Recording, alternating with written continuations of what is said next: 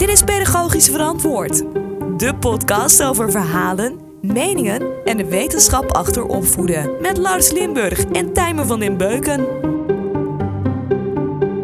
Hallo beste luisteraars. 32 miljoen vrouwen wereldwijd kampen met problemen vanuit een ADHD-diagnose. Er bestaat veel onduidelijkheid over de verschillen tussen jongens en meisjes op dit gebied.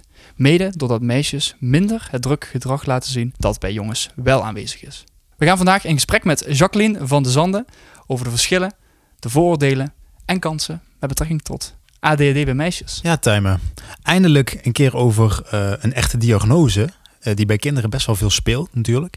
Eh, en ik dacht eigenlijk meteen in de voorbereiding op deze aflevering van... ehm, ja, dat ik bij jou eigenlijk best wel vaak gedacht heb... dat, jij, dat jij daarmee kampt eigenlijk.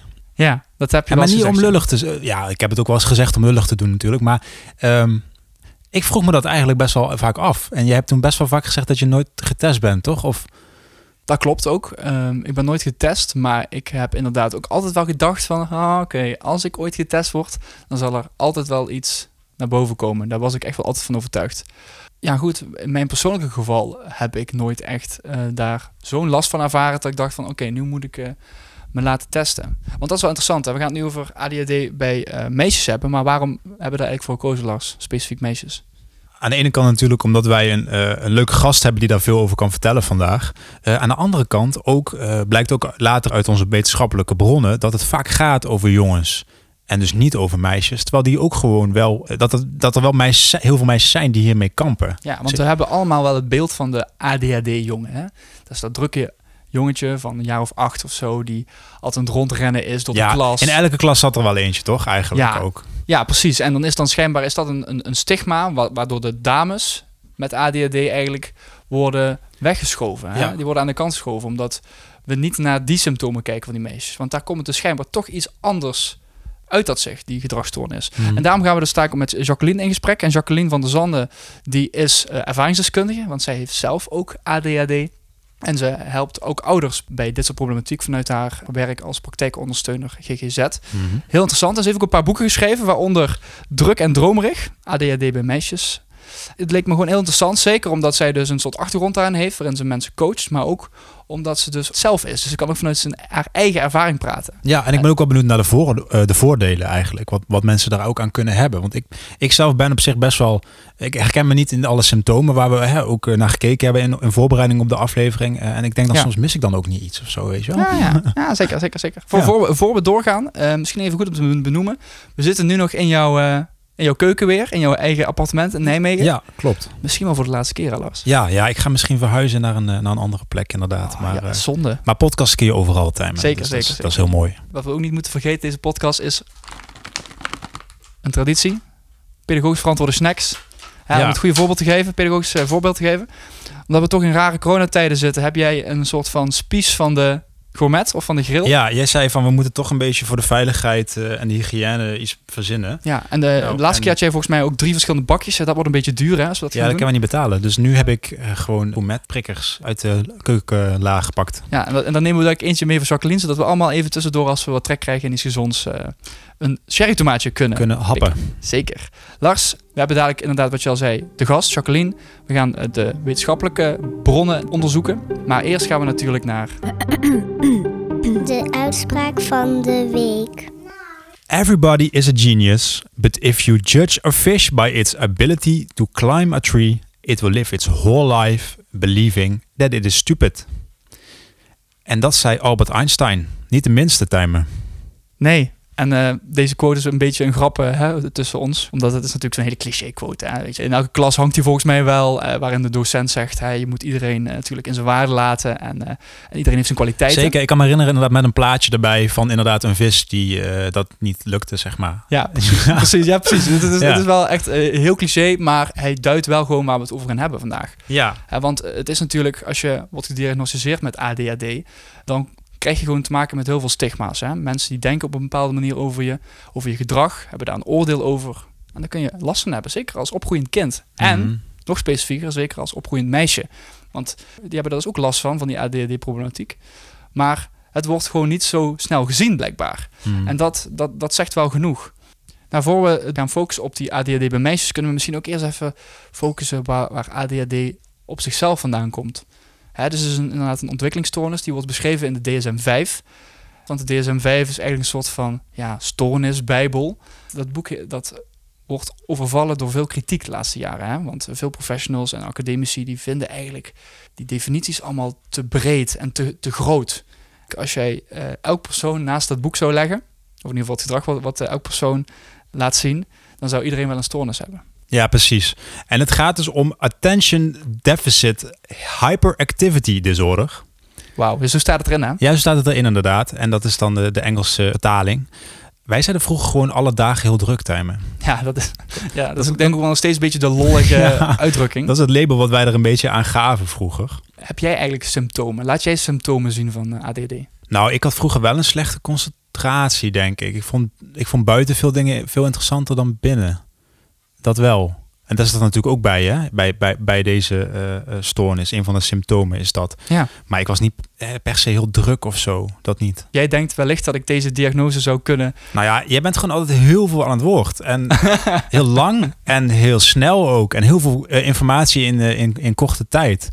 En ik vind dat heel vaak heel uh, fijn ook, want dan, uh, dan komt er heel veel naar boven. Heb je krijg heel veel input. Aan de andere kant denk ik, die jongen geeft echt zoveel input.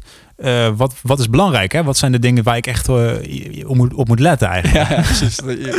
Je, je, wordt gewoon over, overdonderd. Ja, precies. Ja, ik moet ook echt zeggen, als ik die lijst zie van symptomen of, of van punten die erbij horen bij ADHD, hè, het, het stukje plannen, het stukje niet stil kunnen zitten, het stukje concentratie. Dus je hebt wel last ervan gehad? Ik herken het.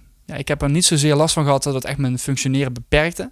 Maar ik kan me wel echt momenten herinneren dat ik moeite had om uh, met huiswerk te beginnen. Vond ik vreselijk. Echt, dat, mm. dat, dat, dat was een soort van ja, blok aan mijn been. Dat moest gedaan worden. Ja, oh, dan deed ik het maar. Ja. Ik, ik vond het meer fijn als dingen gewoon uit passie ontstonden of zo. Of als ik er echt zin in had. Ja, en Tijmen, als ik de drie vormen noem die de DSM beschrijft wat betreft uh, ADHD, hè, waar ja. herken jij je dan het meeste in?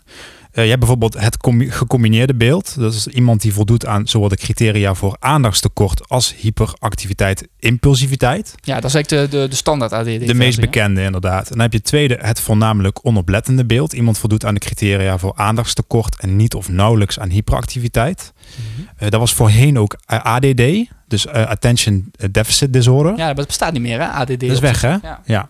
En heb je het derde, het voornamelijk hyperactieve, impulsieve beeld. Iemand voldoet aan dit criteria voor ja, impulsiviteit en hyperactiviteit en niet aan die van aandachtstekort. En die komt het minst vaak Oeh. voor. Nou, als ik denk, nou, als ik op de stoel van een psychiater zou moeten zitten, dan zou ik denk ik wel uh, zeggen, een soort van het, het, het reguliere beeld. Hmm. Het, Ja. uh, het standaardbeeld, denk ik. Ja, Uh, want ik kan e- echt, wat ik nogmaals, uh, van elk punt kan ik wel iets, iets aantikken. ja. En dan niet allemaal op extreme basis, maar het zit er wel in. Dus wie weet, Ja, Lars. Maar nooit dusdanig dat je echt... Nee, nee, nee, nee, nee. nee. Oké. Nou, we gaan met Jacqueline ook praten over mensen die... of kinderen die wel dusdanig er last van hebben gehad en de omgeving. Ik ben heel benieuwd naar haar ervaringen. Ja. Uh, ik heb ook al wat aantal dingen opgeschreven terwijl we aan het praten waren. Maar je hebt ook nog wat wetenschappelijke artikelen meegenomen.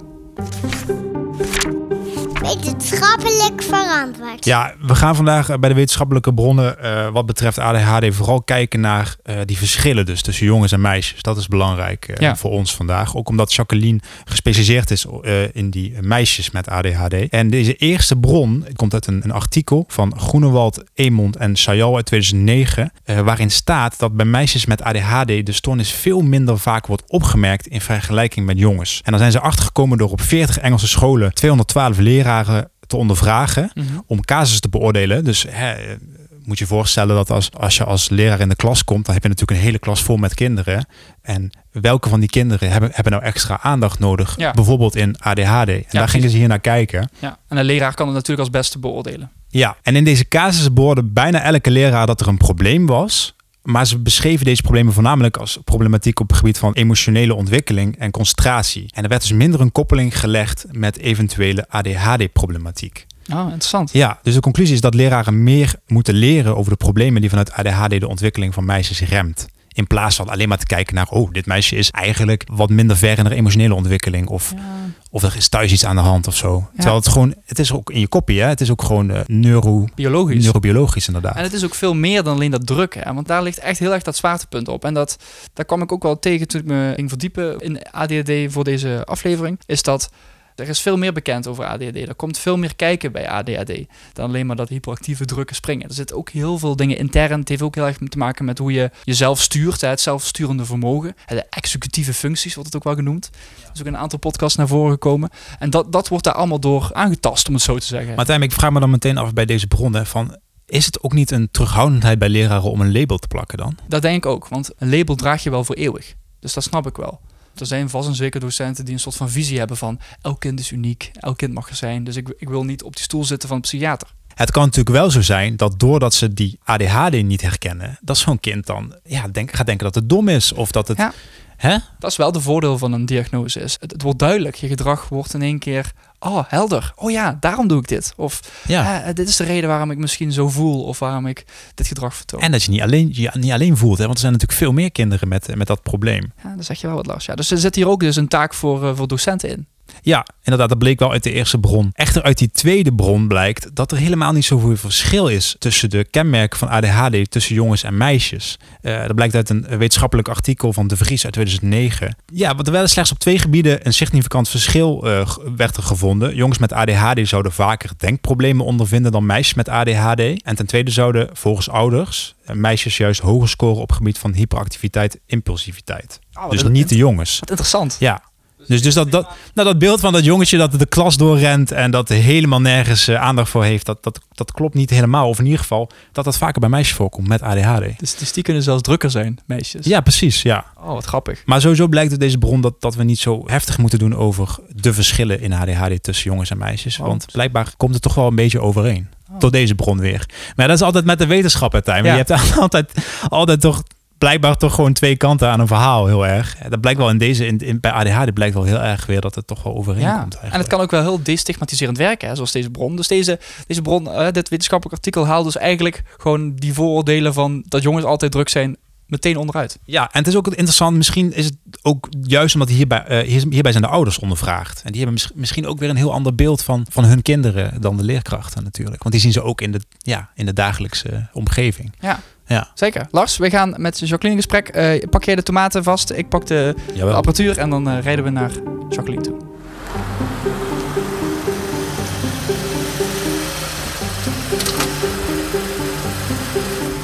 Deskundig verantwoord. Ja, wij zijn eh, na een ritje met de auto zijn wij eh, nu op locatie om in gesprek te gaan met onze gast van vandaag. En dat is Jacqueline van der Zanden. En zij is praktijkondersteuner GGZ Jeugd eh, en auteur. Eigenlijk de eerste vraag die in mij opkwam, eh, Jacqueline, is... waarom vind jij het zo belangrijk dat dit onderwerp besproken wordt bij onze podcast Pedagogisch Verantwoord? Nou, het onderwerp ADHD bij meisjes is eigenlijk jarenlang een, een ondergesneeuwd onderwerp, denk ik. Het was ook niet zo toen ik mijn eerste boek schreef dat ik dacht van nou, ik ga dat onderwerp eh is, is aan het licht brengen. Ik ben eigenlijk gewoon gaan schrijven. Ik dacht, ik heb een leuk leven gehad. Ik heb allerlei leuke, minder leuke dingen meegemaakt. En het is op heel veel momenten anders gelopen dan, dan standaard. Ik dacht, ik ga dat allemaal eens op papier zetten. Het is ook een soort autobiografie geworden eigenlijk ook. De eerste, eerste boek is een autobiografie, maar dan niet een autobiografisch lang verhaal. Het zijn allemaal het zijn 44 korte hoofdstukken met eh, anekdotes die ik dus echt in het kort vertel. En het zijn grappige, ook wel ingrijpende, echt in de ik-vorm. Dus als ik het een aantal jaar, ik zal niet zeggen hoe lang geleden, want dan weten jullie hoe oud ik ben, maar geleden beleefd heb, tot een jaar of 17. Ja, daaronder zet ik dan wat theoretische eh, verklaringen, zeg maar. Dus dan kom je wat meer te weten over hoe werkt het nou bij een meisje met ADHD. Maar heb je dan vroeger dingen opgeschreven of heb je dingen weer onthouden? En Ja, dat is Ja. een goede, goede vraag. Nee, toen ik dacht van ik ga dat op papier zetten, want ik wilde natuurlijk wel iets mee doen. Ik wilde eigenlijk wel een boek eh, schrijven. Dat leek me wel heel leuk. Toen dacht ik, hoe ga ik dat nou aanpakken? En ik ben van, van nature helemaal niet planmatig. En eh, ik dacht, ik ga gewoon beginnen met schrijven. Dus dat heb ik ook gedaan. Maar ik moest natuurlijk wel aan informatie komen. Dus mijn zus, die is heel planmatig, die zei, je moet eigenlijk een plannetje maken. Je moet, mensen van vroeger kan je eh, nog eens opzoeken. En eh, ik had brieven geschreven naar een vriendin. Ik heb twee jaar ergens anders gewoond. Op een, ja, toen was het nog een pensionaat. Dat heb je tegenwoordig niet meer. Van mijn 14 tot mijn 16e. Een soort internaat is dat Ja, dan. alleen dan door de week, hè, tot, tot, van maandagochtend tot vrijdagmiddag. Nou, toen schreef ik brieven naar twee vriendinnen en die vriendinnen hadden al mijn brieven bewaard. Ik had zelf natuurlijk alle brieven weggegooid, dat was een impulsieve actie. Dat was wel heel leuk, want dan kon ik dus heel veel dingen uithalen. En ja, mijn ouders die hebben heel veel verteld. Mijn moeder vertelt sowieso veel over vroeger. Ja, zonder dat ze het in de gaten had, heeft ze natuurlijk heel veel dingen verteld.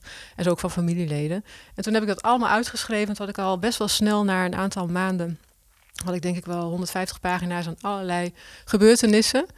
Toen merkte ik ook, dat wist ik ook al wel van, van mijn werk, dat ik ook wel redelijk makkelijke dingen op papier kon zetten en het ook nog wel leuk kon schrijven.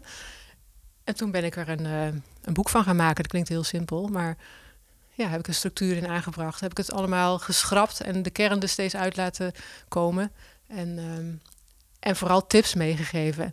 Dat vond ik heel belangrijk. Dat gewoon um, ouders, leerkrachten bij het eerste boek, maar ook in een andere boek, uh, meiden zelf, dat die tips krijgen. Hoe kan je nou met dingen omgaan? En het zo labelen dat het niet negatief is, dat je er iets mee kan. Ja, want daar vroeg ik meteen af van jouw intentie was ook om tips te geven dan met dat boek. Of was het ook zo van ik heb uh, dingen meegemaakt en ik wil dat eigenlijk ook wel een keer allemaal achter elkaar zien of zo? Of... Nee, nee, dat niet. Nee, nee, niet een biografisch verhaal, want eigenlijk hou ik daar niet zo erg van. Uh, ik wil het echt gebruiken om te laten zien hoe werkt het nou. Dus om het levendig te maken. Dus dat, dat je niet een theoretisch verhaal vertelt, maar dat je ouders kan uitleggen van zo werkt dat. Nou, bijvoorbeeld met een schoolreisje, dat ik dan zo enthousiast was dat ik gewoon echt weken niet kon slapen. Maar op het moment zelf kon ik ook niet stilzitten in die bus. Dus op een gegeven moment ging ik dan de bus uit terwijl die reed. En dan ging ik even de straat op. En, maar eigenlijk was dat best wel, ja, dat, dat deed niemand. Vooral meisjes doen dat eigenlijk niet. Maar als meisjes of jongens dat nu doen, dan wordt dat vaak heel negatief gelabeld. Is natuurlijk ook niet handig om te doen. Maar als je begrijpt hoe leuk een schoolreisje is en dat je bijna zeg maar die emoties zo heftig beleeft dat je daar bijna niet mee om kan gaan, dan uh, snap je als ouder ook wel hoe dat werkt. Dus dan kan je ook kijken van hoe, wat kan ik er dan mee doen? Hoe kan ik het serieus nemen en hoe kan ik dan zorgen dat mijn kind wel, mijn dochter wel, zo blij mag zijn, maar dat je er begrip voor hebt, maar niet constant afremmen. Ja, super mooi dat het dan geen negatieve lading heeft of zo, zo'n zo'n gebeurtenis, maar gewoon ook ja. Ja, iets wat iemand gewoon in iemand opkomt.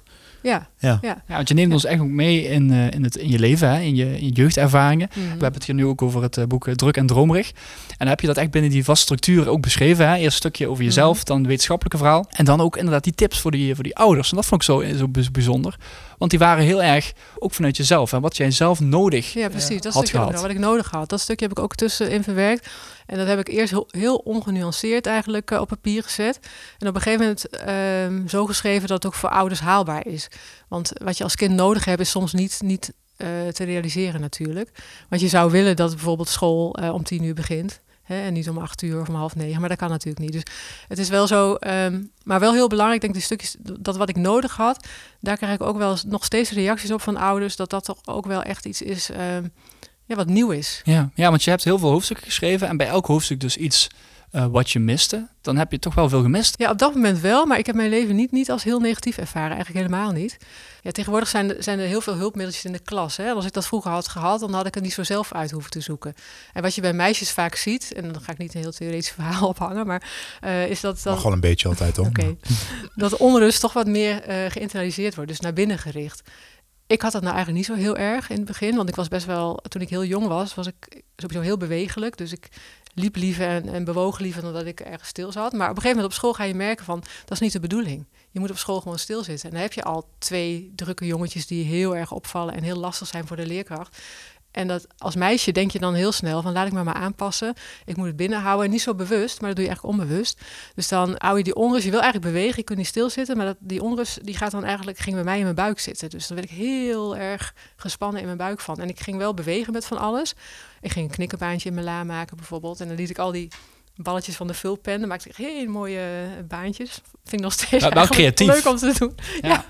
En dan liet ik die balletjes en zo, zo ja, maakte ik dan eigenlijk de tijd een beetje vol. Maar het liefst had ik gewoon weg willen rennen en het schoolplein op Ja. en gewoon tien rondjes willen rennen. Maar nu zeg je wel iets interessants, hè? want die jongens die vallen dan op. Hè? En dat is ook het, het stigma wat wij in het voorstukje hadden besproken, Lars en ik, over uh, dat jongens die, die, die staan eigenlijk wel gewoon uh, garant voor een ADHD'er. Hè? We zien ook echt zo'n zo'n achtjarig jongetje wat, wat rond het rennen is door een klas en heel druk is.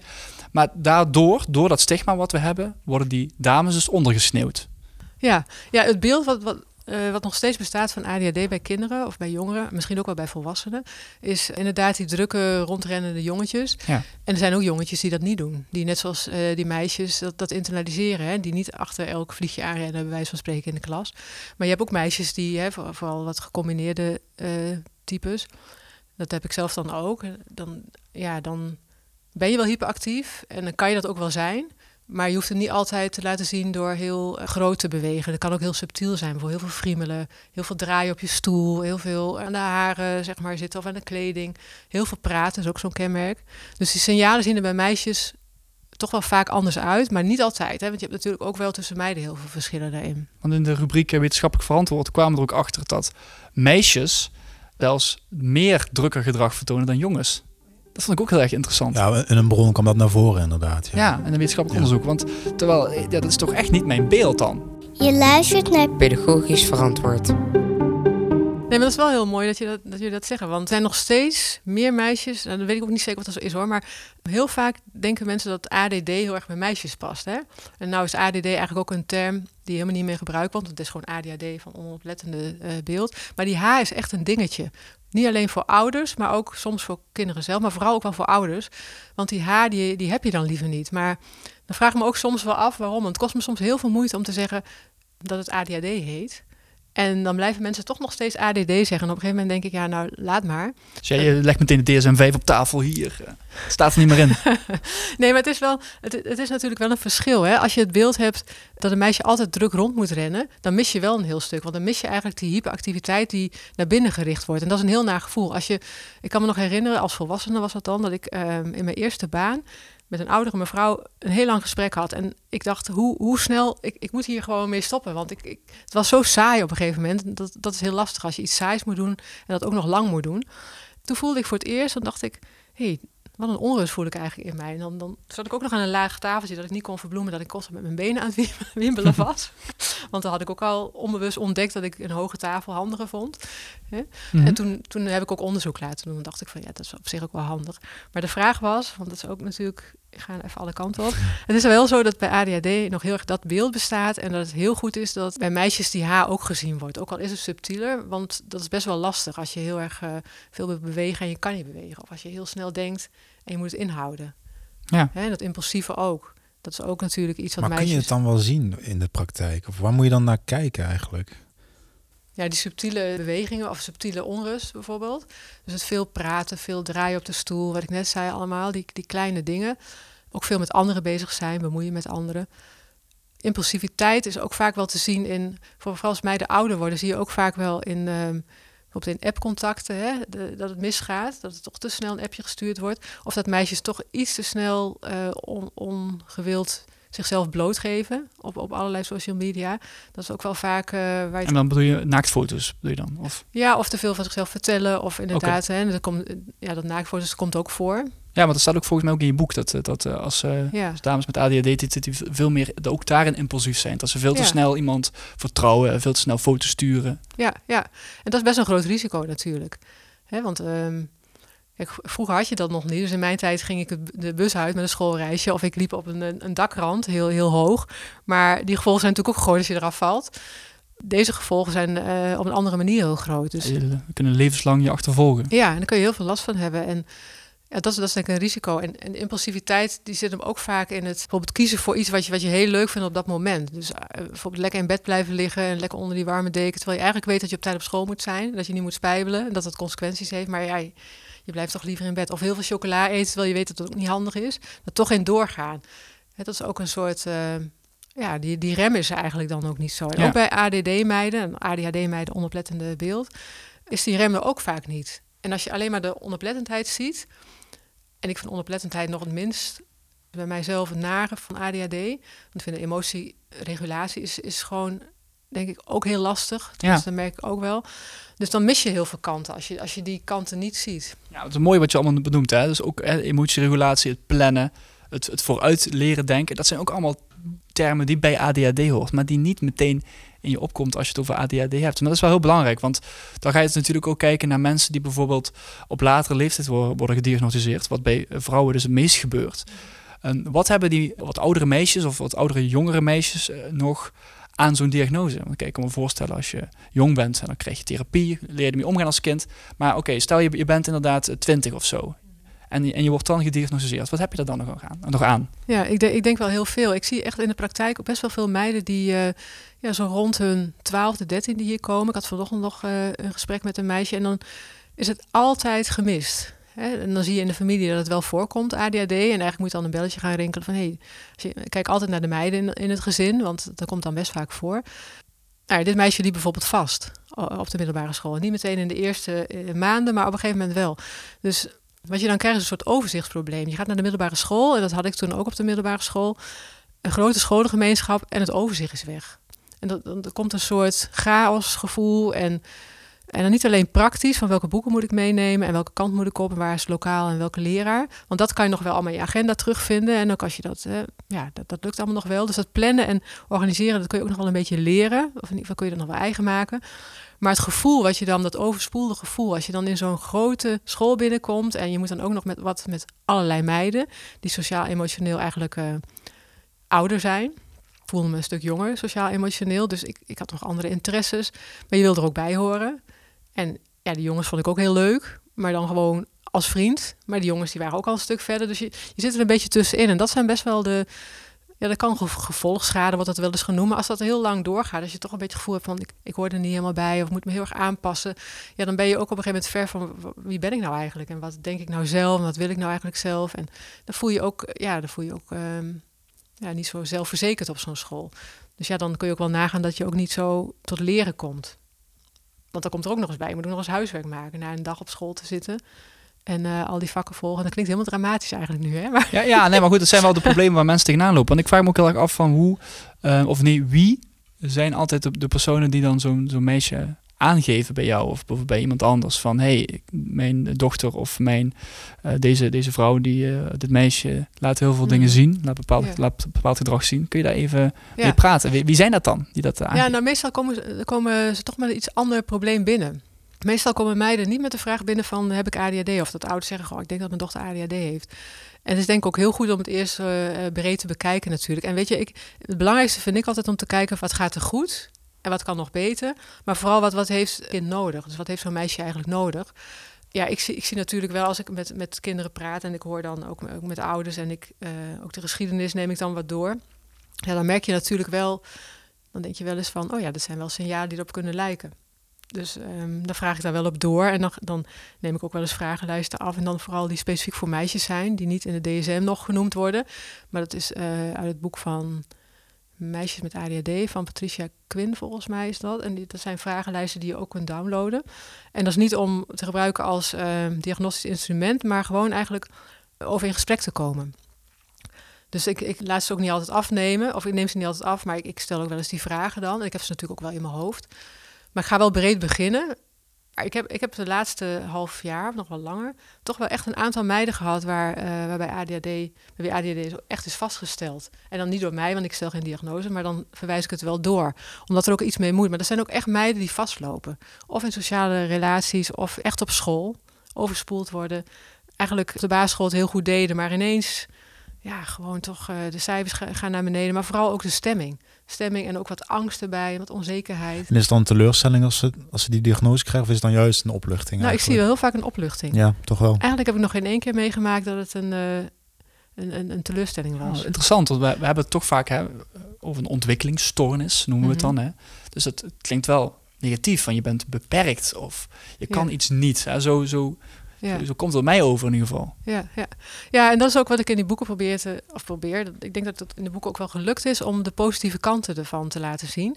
Maar ook de lastige. Want wat kan je nou met die lastige kanten? Hè? Hoe kan je nou op school uh, het zo voor, voor, je, voor een leerling doen dat, uh, ja, dat ze toch die dag goed door kan komen. Dus een extra pauze even inlassen of even tussendoor een rondje door de school lopen of taken verkleinen. Maar weet je, het allerbelangrijkste is om samen met zo'n zo'n meisje of leerling in gesprek te gaan. En dat niet zelf te bedenken als volwassene. En dat zie ik ook nog wel heel vaak. En ik zie het wel steeds meer dat wel gebeurt. Dat kinderen ook wel zelf uh, mogen vertellen hoe dat nou is. Want kinderen van 6, 7, 8 die kunnen zelfs ook al wel vertellen van... Ja, wanneer gaat het nou goed? En vooral kijken wanneer gaat het nou goed? Wanneer werkt iemand nou heel geconcentreerd? En wat is daar dan voor nodig? En niet, juist niet kijken wanneer gaat het niet goed. Want dan weet je nog niet wat wel werkt. Dus in mijn boeken probeer ik juist te kijken van... nou, wanneer gaat het nou goed? En ja, wat heb je nodig om nog beter uh, te laten gaan? Maar ook die lastige uh, kanten wel. Maar de voordelen van ADHD zijn natuurlijk ook. Ja, kunnen we het daar even over hebben ja, dan? Want wat zijn, wat zijn dat dan? Want hij en ik hadden het over van in hoeverre wij met symptomen overeenkomen, zeg maar. Wat, wat er aan ons in ADHD, zeg maar, zit. Ja. En ik vroeg me echt wel af van, moet ik ook niet jaloers zijn af en toe op wat die allemaal voor elkaar kunnen krijgen met die uh, impulsiviteit, maar ook met dat meer energie hebben en zo. Uh, ja, er dat? zijn zeker voordelen, zeker. En vooral als je denk ik ook wel inzicht hebt in, je, in hoe je in elkaar zit. En als je hoe ouder je bent, hoe meer inzicht je over het algemeen al wel krijgt. En dan kun je ook meer gebruik van je sterke kanten maken. Nou, de sterke kanten, ja, bij mij, als ik naar mezelf kijk dan, dat is het handigst denk ik, dat ik heel veel energie heb. Ik ben echt, ik ben gewoon nooit moe. En, ehm, en daarom kan ik ook s'avonds naar het werk nog, als ik dan ook hard gelopen heb, eh, ik loop drie keer in de week hard en ik zwem één keer in de week. Ja, nu dan even niet zwemmen, maar en dan kan ik ook aan, gewoon gaan schrijven. En ik, ik kan gewoon niet zo goed niks doen. Ik moet ook met mijn hoofd een beetje eh, aan, bezig blijven. Dus die energie, denk ik. Maar ook wel heel veel met de kinderen. Bijvoorbeeld op oude... Als moeder, voetballen op straat heb ik nog heel lang gedaan. En ik zou het nog steeds doen ook. Ja, ik, ik denk dat ook de ideeën die ik soms kan hebben... dat die ook wel leuk zijn. Dat, je- dat je soms in één keer kan denken... oh, we gaan daarheen. Dat impulsieve een beetje dan Ja, eigenlijk. Ja, ja. En En- creatieve dus eigenlijk ook. Ja. Ja. de manier van denken is soms ook een voordeel. Dat je ook wel van alle kanten dingen kan bekijken. Vooral in mijn werk is natuurlijk handig. Dat je niet blind staat op één ding. Dus waar anderen afhaken of, of een dood spoor zien... zie ik altijd wel weer andere kanten. Is ook wel, kan ook weer lastig zijn natuurlijk. Sneller verbanden leggen. Of, Ja, ja door, daardoor dat je zo snel associeert. Wat ook soms heel lastig is, want als je dan die associaties niet vertelt, dan klinkt het als een heel onlogisch iets, hè, wat ik dan zeg. Maar als ik dan die stapjes wel communiceer, dan snappen mensen ook wel waarom ik tot dat stukje kom. En wat nou als er bijvoorbeeld mensen luisteren naar dit verhaal, en waar, waaronder ook ik, die, die, die, eh, die zich heel erg, heel erg herkennen in, jouw eh, in jouw verhaal. En ook in alle kenmerken die worden... worden Want jij herkent je wel in het verhaal? Ja, ik, ik, ik herken mij heel erg in, in, in het hele patroon van een ADHD'er en, en met al die eh, kenmerken erbij. Maar bijvoorbeeld stel iemand die luistert naar en, eh, en die heeft daar geen last van. Van al deze, van al deze kenmerken. Bijvoorbeeld, ik, ik, heb, eh, ja, ik herken me in alles, maar ik heb er nooit last van ervaren. Wat moeten die mensen doen? Moeten die denken van oké, dan moet ik me alsnog even laten diagnosticeren, want dan krijg je misschien meer inzicht. Of moeten die mensen gewoon maar, ja, ik heb er toch geen last van, dus laat maar. Wat is jouw tip? Wil jij dat Lars en Tijmen jouw pedagogisch onderwerp behandelen? Mail jouw idee dan naar podcastapenstaatjepedagogischverantwoord.nl En misschien moeten die mensen een boek schrijven om, om te laten zien van hoe ze dat voor elkaar krijgen, dat ze er geen last van hebben. Ik zeg dan, ik heb er geen last van, maar in de zin van... Ik, eh, Ik er wel soms. Ja, hebt er soms last van. ja, maar in, in mijn ontwikkeling op school. Nee, nee, of, of- precies. of- ja, ik kan echt, als je dat lijstje voor me hebt van DSM, ik kan echt alles aanvinken als ik, eh, als ik het zelf zou invullen. Ja. Ik ben nog geen psychiater, maar als ik dat eh, van de koude grond doe, dan, eh, dan is dat allemaal groen. Dus dit gaat eigenlijk over, is een diagnose dan eh, relevant of zo? Of Ja, belangrijk? zoiets, ja, zoiets. Jij bent Ja, wel een goed ik een hele voorbeeld. goede vraag. Ja. Ja, ja. nee, want jij hebt denk ik eh, gekozen voor, eh, misschien onbewust of bewust, voor, je- voor een opleiding en studie en eh, vrije tijd en dat soort dingen. eh, dat past bij jou, denk ik. En als je iets anders zou hebben gekozen, bijvoorbeeld eh, als je rechten was gaan studeren, weet ik ook niet hoor, maar dan zou het, eh, zou het wel kunnen zijn dat je vastgelopen was bijvoorbeeld. Of je had eh, Ja. andere omstandigheden gehad. Hè, soms zijn de, omst- de omstandigheden zijn natuurlijk ook heel belangrijk. En die, ik vind een diagnose helemaal niet nodig. Maar het is wel heel belangrijk om op tijd, vooral bij mij, de signalen te herkennen. Omdat je anders wel heel veel last kan krijgen van, van gevolgen. En dat hoeft natuurlijk niet altijd. Want je ziet ook wel in gezinnen, dan, dan, dan loopt dat gewoon goed. En eh, meiden gaan gewoon doen waar ze goed in zijn. Kiezen een hobby die, die past. En hoeven ook niet bijvoorbeeld een opleiding te doen die, die ze eigenlijk ook nauwelijks aankunnen. En dan kan het qua intelligentie nog wel zijn dat ze het goed aankunnen. Maar het moet ook bij je passen qua structuur. Hè, een wetenschappelijke opleiding is natuurlijk wel, als je dat kunt, is het natuurlijk mooi. Maar het is wel heel veel zelf, eh, zelfstandig werken. En die verantwoordelijkheid, die kunnen jongeren soms nog niet goed aan. Dus ja, je kunt er weinig last van hebben of minder als je de omstandigheden zo aanpast. Maar ik denk wel, op een gegeven moment, ouder je wordt, hoe meer verantwoordelijkheden er, er komen en hoe meer taken je krijgt. En dan, dan kan wel dat overzichtsprobleem kan, kan wel een rol gaan spelen. Ja, Ja, dan heb je nou ook nog wel een beetje time een overzichtsprobleem, toch? Ja, dat heb ik Vertel je wel, eens over. Ja, ja. ja en dan, Hoe mag ik dat niet zeggen? Nee, tuurlijk, tuurlijk, tuurlijk. Maar dat, is dan, eh, dat zijn van die dingen die, ik- die ik dan wel ervaar van als lastig of als vervelend.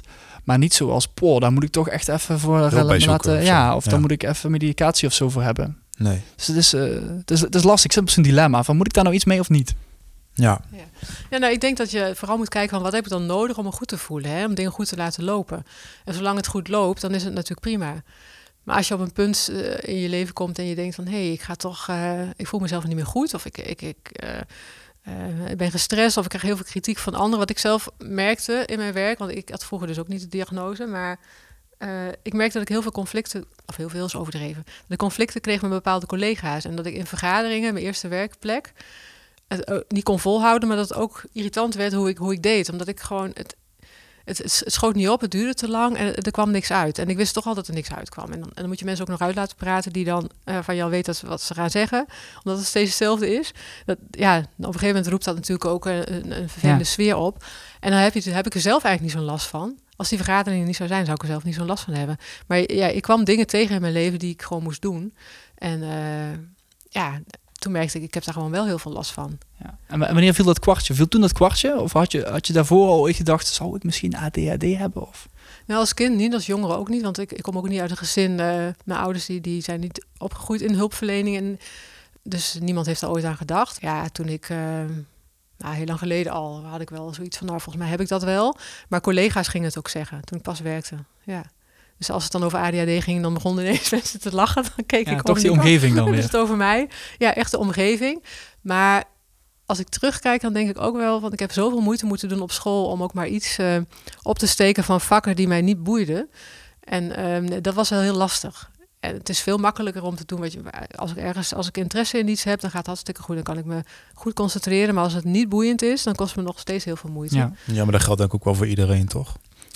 Ja, alleen het verschil is wel dat je heel moeilijk kan zetten. Dat is echt een groot verschil met, met uh, mensen zonder ADHD. Iets wat niet leuk is en wat moet, die motivatie vinden, dat is echt heel lastig. Er moet echt een soort externe motivatie zijn, maar bijna een beloning die tastbaar is. Dus die lekkers of iets om het te gaan doen. Dat is nog steeds, als ik rapportage moet maken, dan, dan stel ik tot allerlaatste moment uit. Maar ik weet dat het moet. En ik weet ook wat de voordelen zijn als ik het eerder doe. Want anders kom ik aan het eind van de maand, dan moet ik alles in één keer doen. Maar ik moet het wel structureren. Ik moet ook tussendoor even iets plannen wat dan leuk is. Want anders, ik, ja, dat, dat is heel moeilijk. Herkenbaar. ja, inderdaad, nou ja, dat vertel je ook. Maar je kunt je misschien zo, je, je hebt je mooi ingericht, zodat je dingen kan doen die, uh, uh, waar je goede energie van krijgt. Hè? Dan, dan heb ja. je daar minder last van. Ja, interessant, interessant. Wat ik ook in je, in je boek las, is dat jij aan ouders de tip geeft om, wel weet je het niet 100% zeker of je kind ADHD heeft en heeft ze nog niet officieel een diagnose gekregen, maar probeer al wel al te doen alsof het zo is. Waarom uh, geef je die tip? Nou ja, omdat een diagnose niet altijd nodig is. En kijk, voor medicatie wel. Want ik denk, hè, ADHD, als je echt ADHD daar heel veel last van hebt, en daar hebben veel ADHD's, dan is medicatie soms ook echt een belangrijke uh, stap om vaardigheden aan te kunnen leren. Hè. Medicatie leert zelf geen vaardigheden aan, maar wel dat je toch de rust hebt en, ja, om, om dingen aan te leren en dingen voor elkaar te krijgen. Dus zonder, zonder de medicatie had ik sommige dingen niet goed voor elkaar gekregen, denk ik. Um, ben ik even je vraag kwijt? Dat je ouders een tip geeft oh ja. om te doen alsof. Dus dat je ja. wel al zegt van, oké, okay, pak die boekjes erbij, kijk hoe ga je om met een ADHD, terwijl je niet eens 100% zeker weet of het kind wel een ADHD ja. Uh, ja, dat zeg ik ook vaak in, uh, op school als dan uh, meedenken. En, dan, dan zeg ik, laten we eens doen alsof het zo is. Maar dan gaan we niet uit alle boeken een lijstje pakken, maar dan gaan we met kinderen in gesprek. Dat heb ik dan al vaak hier gedaan op mijn werk. Dan heb ik dat al gedaan, dus heb ik al inzicht in nou, wanneer gaat het nou goed, hè? welke dingen vind ik nou leuk en wat, uh, hoe ziet die situatie er dan uit? En dan gaan we kijken of we in de klas gewoon ook die situaties meer kunnen creëren. En dat de leerkracht, wat de leerkracht daarin kan doen. Uh, ook thuis, wat kunnen ouders daar dan in doen? Dus niet zo, wat gaat er mis? En um, laten we eens gaan kijken hoe we het anders kunnen doen. Maar wanneer gaat het nou goed? En laten we dat nou eens wat, wat uit gaan breiden. Dus dan hoef je niet een diagnose te hebben. Dan kan je wel zeggen, nou, we gaan bijvoorbeeld taken verkleinen. We gaan niet twintig sommen doen, maar we gaan er vijf doen. En na elke vijf even een loopje naar de juf of de meester... om te laten zien uh, of, of die nog op de goede weg is of zij op de goede weg is. En je ziet vaak andersom leerkrachten gaan even een rondje maken. Maar ADHD-kinderen die moeten eigenlijk zelf even naar de leerkracht gaan terug. En dan moeten ze ook een goed plekje hebben, dat ze niet struikelen over al die benen van andere kinderen, uh, niet aankomen bij de leerkracht. Ja, dus want ook dat, dat motorisch is ook, een, is ook een dingetje. Hè? Dat wordt ook wel vaak geassocieerd met ADHD. Hè? Toch een beetje dat, ja, een beetje gechargeerd gezegd, dat lompige, dat beetje uh, motorisch, of uh, dat struikelen, heel vaak vallen, dingen, laat, dingen laten, laten vallen. Dat ja, dingen. dat kan. Ja, dat zie je ook wat meer bij jongens, denk ik. Maar bij meisjes zie je het ook wel. Maar die proberen dat ook wel een beetje in te houden. Omdat het gewoon bij meiden wordt dat ook wel wat als onaangepast gezien. En ja, meisjes willen heel graag gewoon het ook zo doen als andere meiden. Dus, uh, maar is dan wat chiquer voorkomen of zo? Voor de dag komen? Nou, die letten daar denk ik, ik denk dat ze daar wel op letten om niet al te veel uh, ongelukken te krijgen. En dan wel gewoon toch wel redelijk, uh, hoe zeg je dat? Netjes over te komen. Ja, ja, ja, netjes. Ja, mooi gezegd. Ja, ja nou ja, maar ik snap wat je bedoelt. Maar toch een soort van. Dat heeft ook met misschien een verkeerd beeld te maken. Hè? Dat, dat vrouwen altijd netjes moeten zijn, natuurlijk. Maar dat, ja, is, dat is wel wat je ziet. Ja, dat is heel moeilijk. Want dat, uh, dat wil je ook wel graag. Heb ik nu niet meer. Maar als, als meisje had ik dat wel. Dat ik dacht, ik moet wel gewoon zo overkomen. Zoals het ook wel een beetje past. Hè? Maar op jouw vraag nog even over die dingen in de klas. Dan is het denk ik heel belangrijk om te kijken. Wat werkt nou bij dit kind? Want bij het ene kind werkt een, een koptelefoon goed. Maar het andere kind leidt dat ontzettend af. Er zit er constant mee te spelen. En ja, Zo'n prikkel, uh, prikkelarme koptelefoon. Zodat je, ja, of dat je geluiden binnenhoudt. Ja. Uh, of buiten houdt. Dus dat je daar niet zo'n last van hebt. En uh, bijvoorbeeld een wiebelkussen. Hè? Dat zijn ook van die praktische dingen die kunnen werken. Maar het allerbelangrijkste vind ik... dat, dat je met het kind en ouders in gesprek moet... en dan vooral moet kijken kijken van, nou, wat, wat is nou bij dit kind nodig? Een plannetje op maat maken. En dan kleine stapjes in, uh, of kleine dingen uitproberen ook. Ja, ja daar komt op de, in de praktijk altijd wel op neer. Uiteindelijk moet je het toch op maat gaan maken. Want het is uiteindelijk altijd verschillend. Ja, ja. ja je moet niet zo'n standaard lijstje af gaan werken. Je moet echt kijken van wat werkt nou bij dit kind goed. En wanneer werkt hij nou goed? En wanneer is, het, is hij thuis nou gewoon vrolijk en voelt hij zich lekker? Hè? En dan kan je ook op tijd zeggen van, oh ja, nu, nu gaat het mis. Dus we moeten eigenlijk wat eerder even een rustmomentje in uh, pakken. Dus als je een hele drukke dag hebt gehad met allerlei feestjes, dan is het vaak de volgende dag heel belangrijk om, ja, dat is wel een algemene tip, om die dag gewoon uh, niet al te druk te maken. Dus niet al te veel uh, verschillende prikkels nog, maar niet veel inplannen. Niet, nee, niet, niet en dan naar, naar, de, naar, de, naar de balletschool, dan nog voetballen, nee, dan nog. Nee, nee, nee, dat sowieso is heel belangrijk, denk ik, om dat wat uh, te matigen. Dat, ja, dat er voldoende rustmomenten zijn ook om eigen dingetjes te kunnen doen. Ik vroeg me nogal af, hè, um, ik heb ook wel gelezen dat, er, dat je als op latere leeftijd uh, ADHD speelt, dat je ook wel te maken kan krijgen met bijvoorbeeld angst of uh, depressie. Is het nou zo dat als je er eerder bij bent, dat dat dan misschien minder is of zo? Denk ik wel, dat het kan.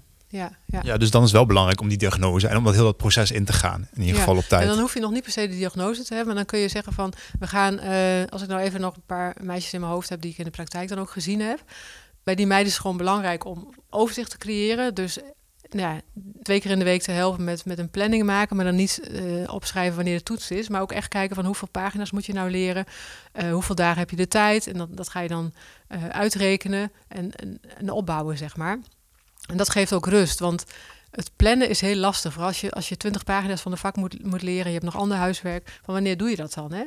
En als dat komt, dat er wat overzicht komt, zeg maar, in die, in die schoolweek, dat geeft al een stukje rust bijvoorbeeld. Ja, nee, dat is een goed antwoord. En ik vroeg me ook nog even af, je hebt nou drie boeken geschreven over het onderwerp. Hè? Ben je dan echt in een gat gesprongen in Nederland? Was er weinig, uh, weinig over ADHD te vinden voor meisjes dan? Ja, ja dat klopt. Ja, ik, heb, uh, ik ben zelf niet zo heel erg een lezer. Dus ik, ik, ja, een boek schrijven vond ik eigenlijk nog wel makkelijker dan een boek helemaal uitlezen, moet ik eerlijk zeggen. Oh, Behalve dat, ja, als het dan literatuur is die ik wel leuk vind, maar dan lees ik meestal stukjes. Maar ik kon er niet veel over vinden. In Nederland eigenlijk helemaal niet. Um, en al helemaal niet een boek van iemand die zelf ook ADHD heeft en het uh, een combinatie maakt met de praktijk. Dus ik heb als moeder heb ik uh, te maken met ADHD en zelf natuurlijk als ervaringsdeskundige, maar ook in mijn werk heb ik nog met meer dingen te maken, maar onder andere ook met ADHD. Dus het omvat heel je leven. Ja, en eigenlijk is de insteek juist ook wel mooi, omdat het uh, vanuit de praktijk geschreven is. Ook. Ja. En vooral die andere boeken, de, de derde moet uitkomen nog. Dat is nog steeds druk en dromerig voor tienermeiden met ADHD. En die komt in uh, januari uh, uit. En die, is ook, die bevat ook alle thema's die tienermeiden tegen kunnen komen. Dus ook wat je net over had, stemming, angst. Um, omdat ook bij tienermeiden vaak zie je dan op dat moment ook vaak de diagnose. Hè, in uh, 12, 13 jaar. Soms natuurlijk ook eerder. En dan speelt dat wel een rol. Dus dan is het heel mooi dat dat boek daar ook uh, aandacht voor heeft. Dus ja. Ja, en we wilden met de podcast natuurlijk ook vaker uh, praktische handvatten bieden voor, voor professionals of voor ouders.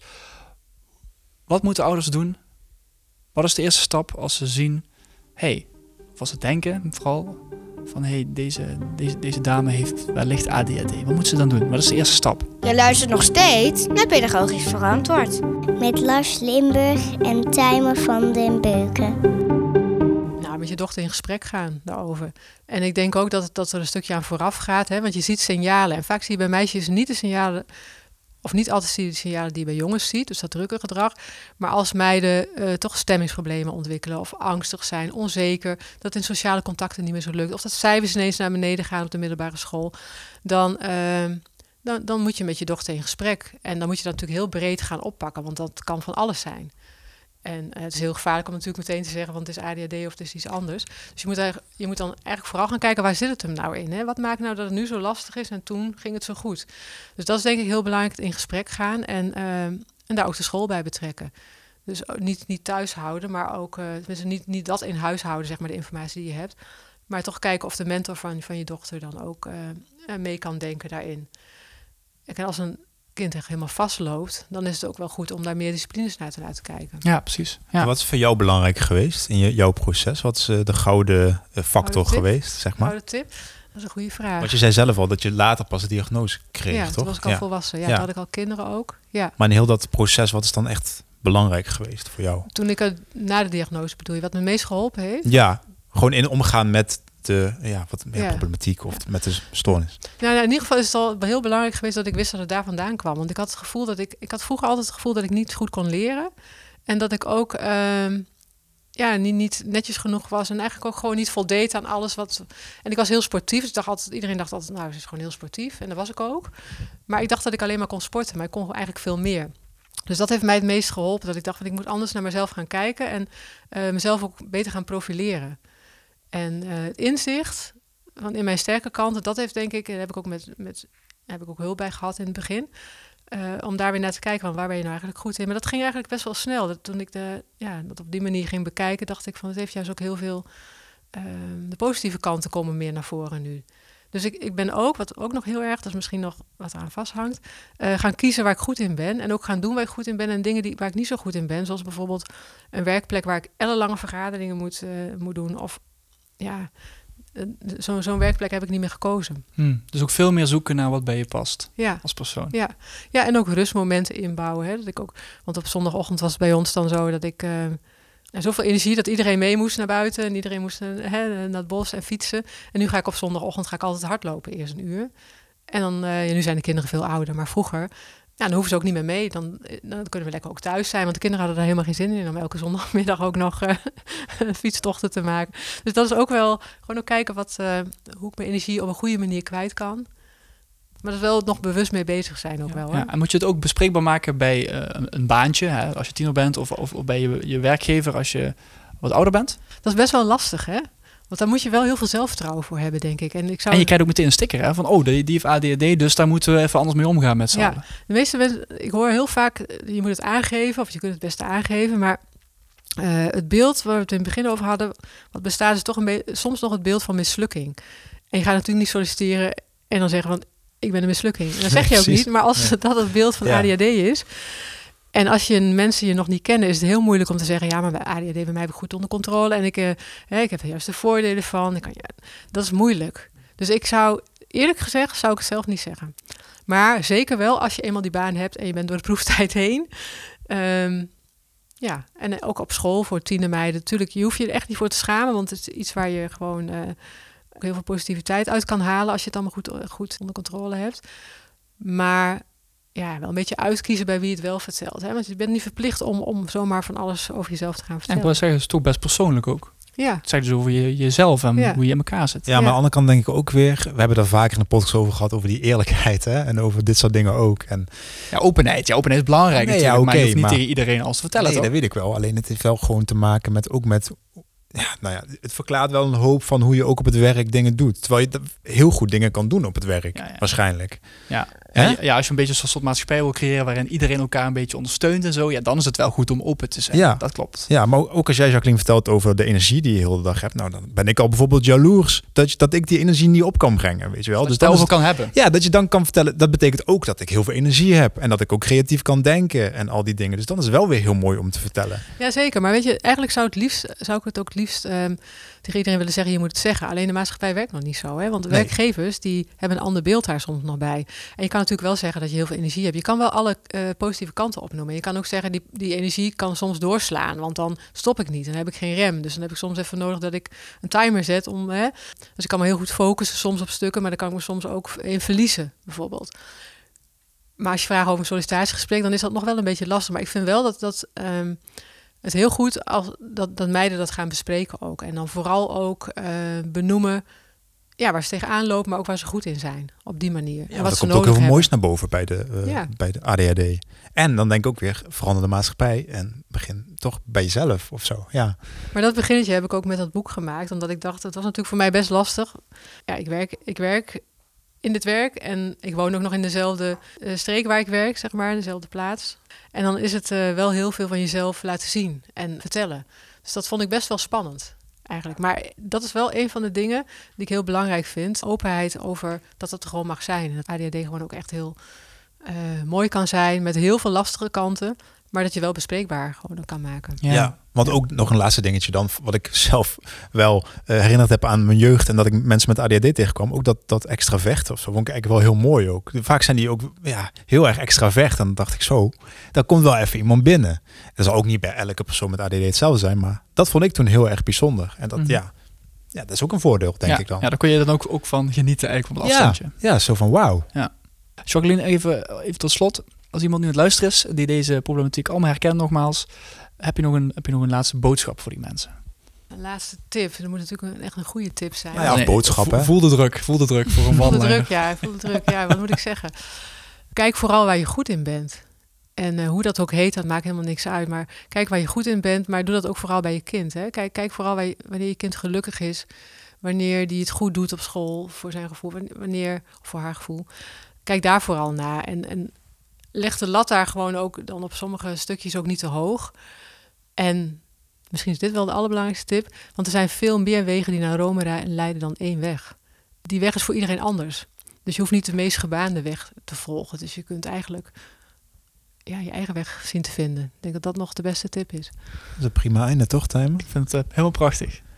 Jacqueline, ik wil je hartelijk bedanken voor dit eh, interview. Dankjewel. Graag gedaan. Eh, moeten we nog vragen waar we Jacqueline kunnen vinden?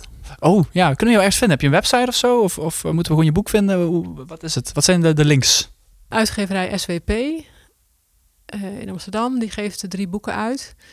Of daar kun je de boeken kopen. De boeken Druk en Dromerig en Druk en dan weer Dromerig en nog steeds Druk en Dromerig.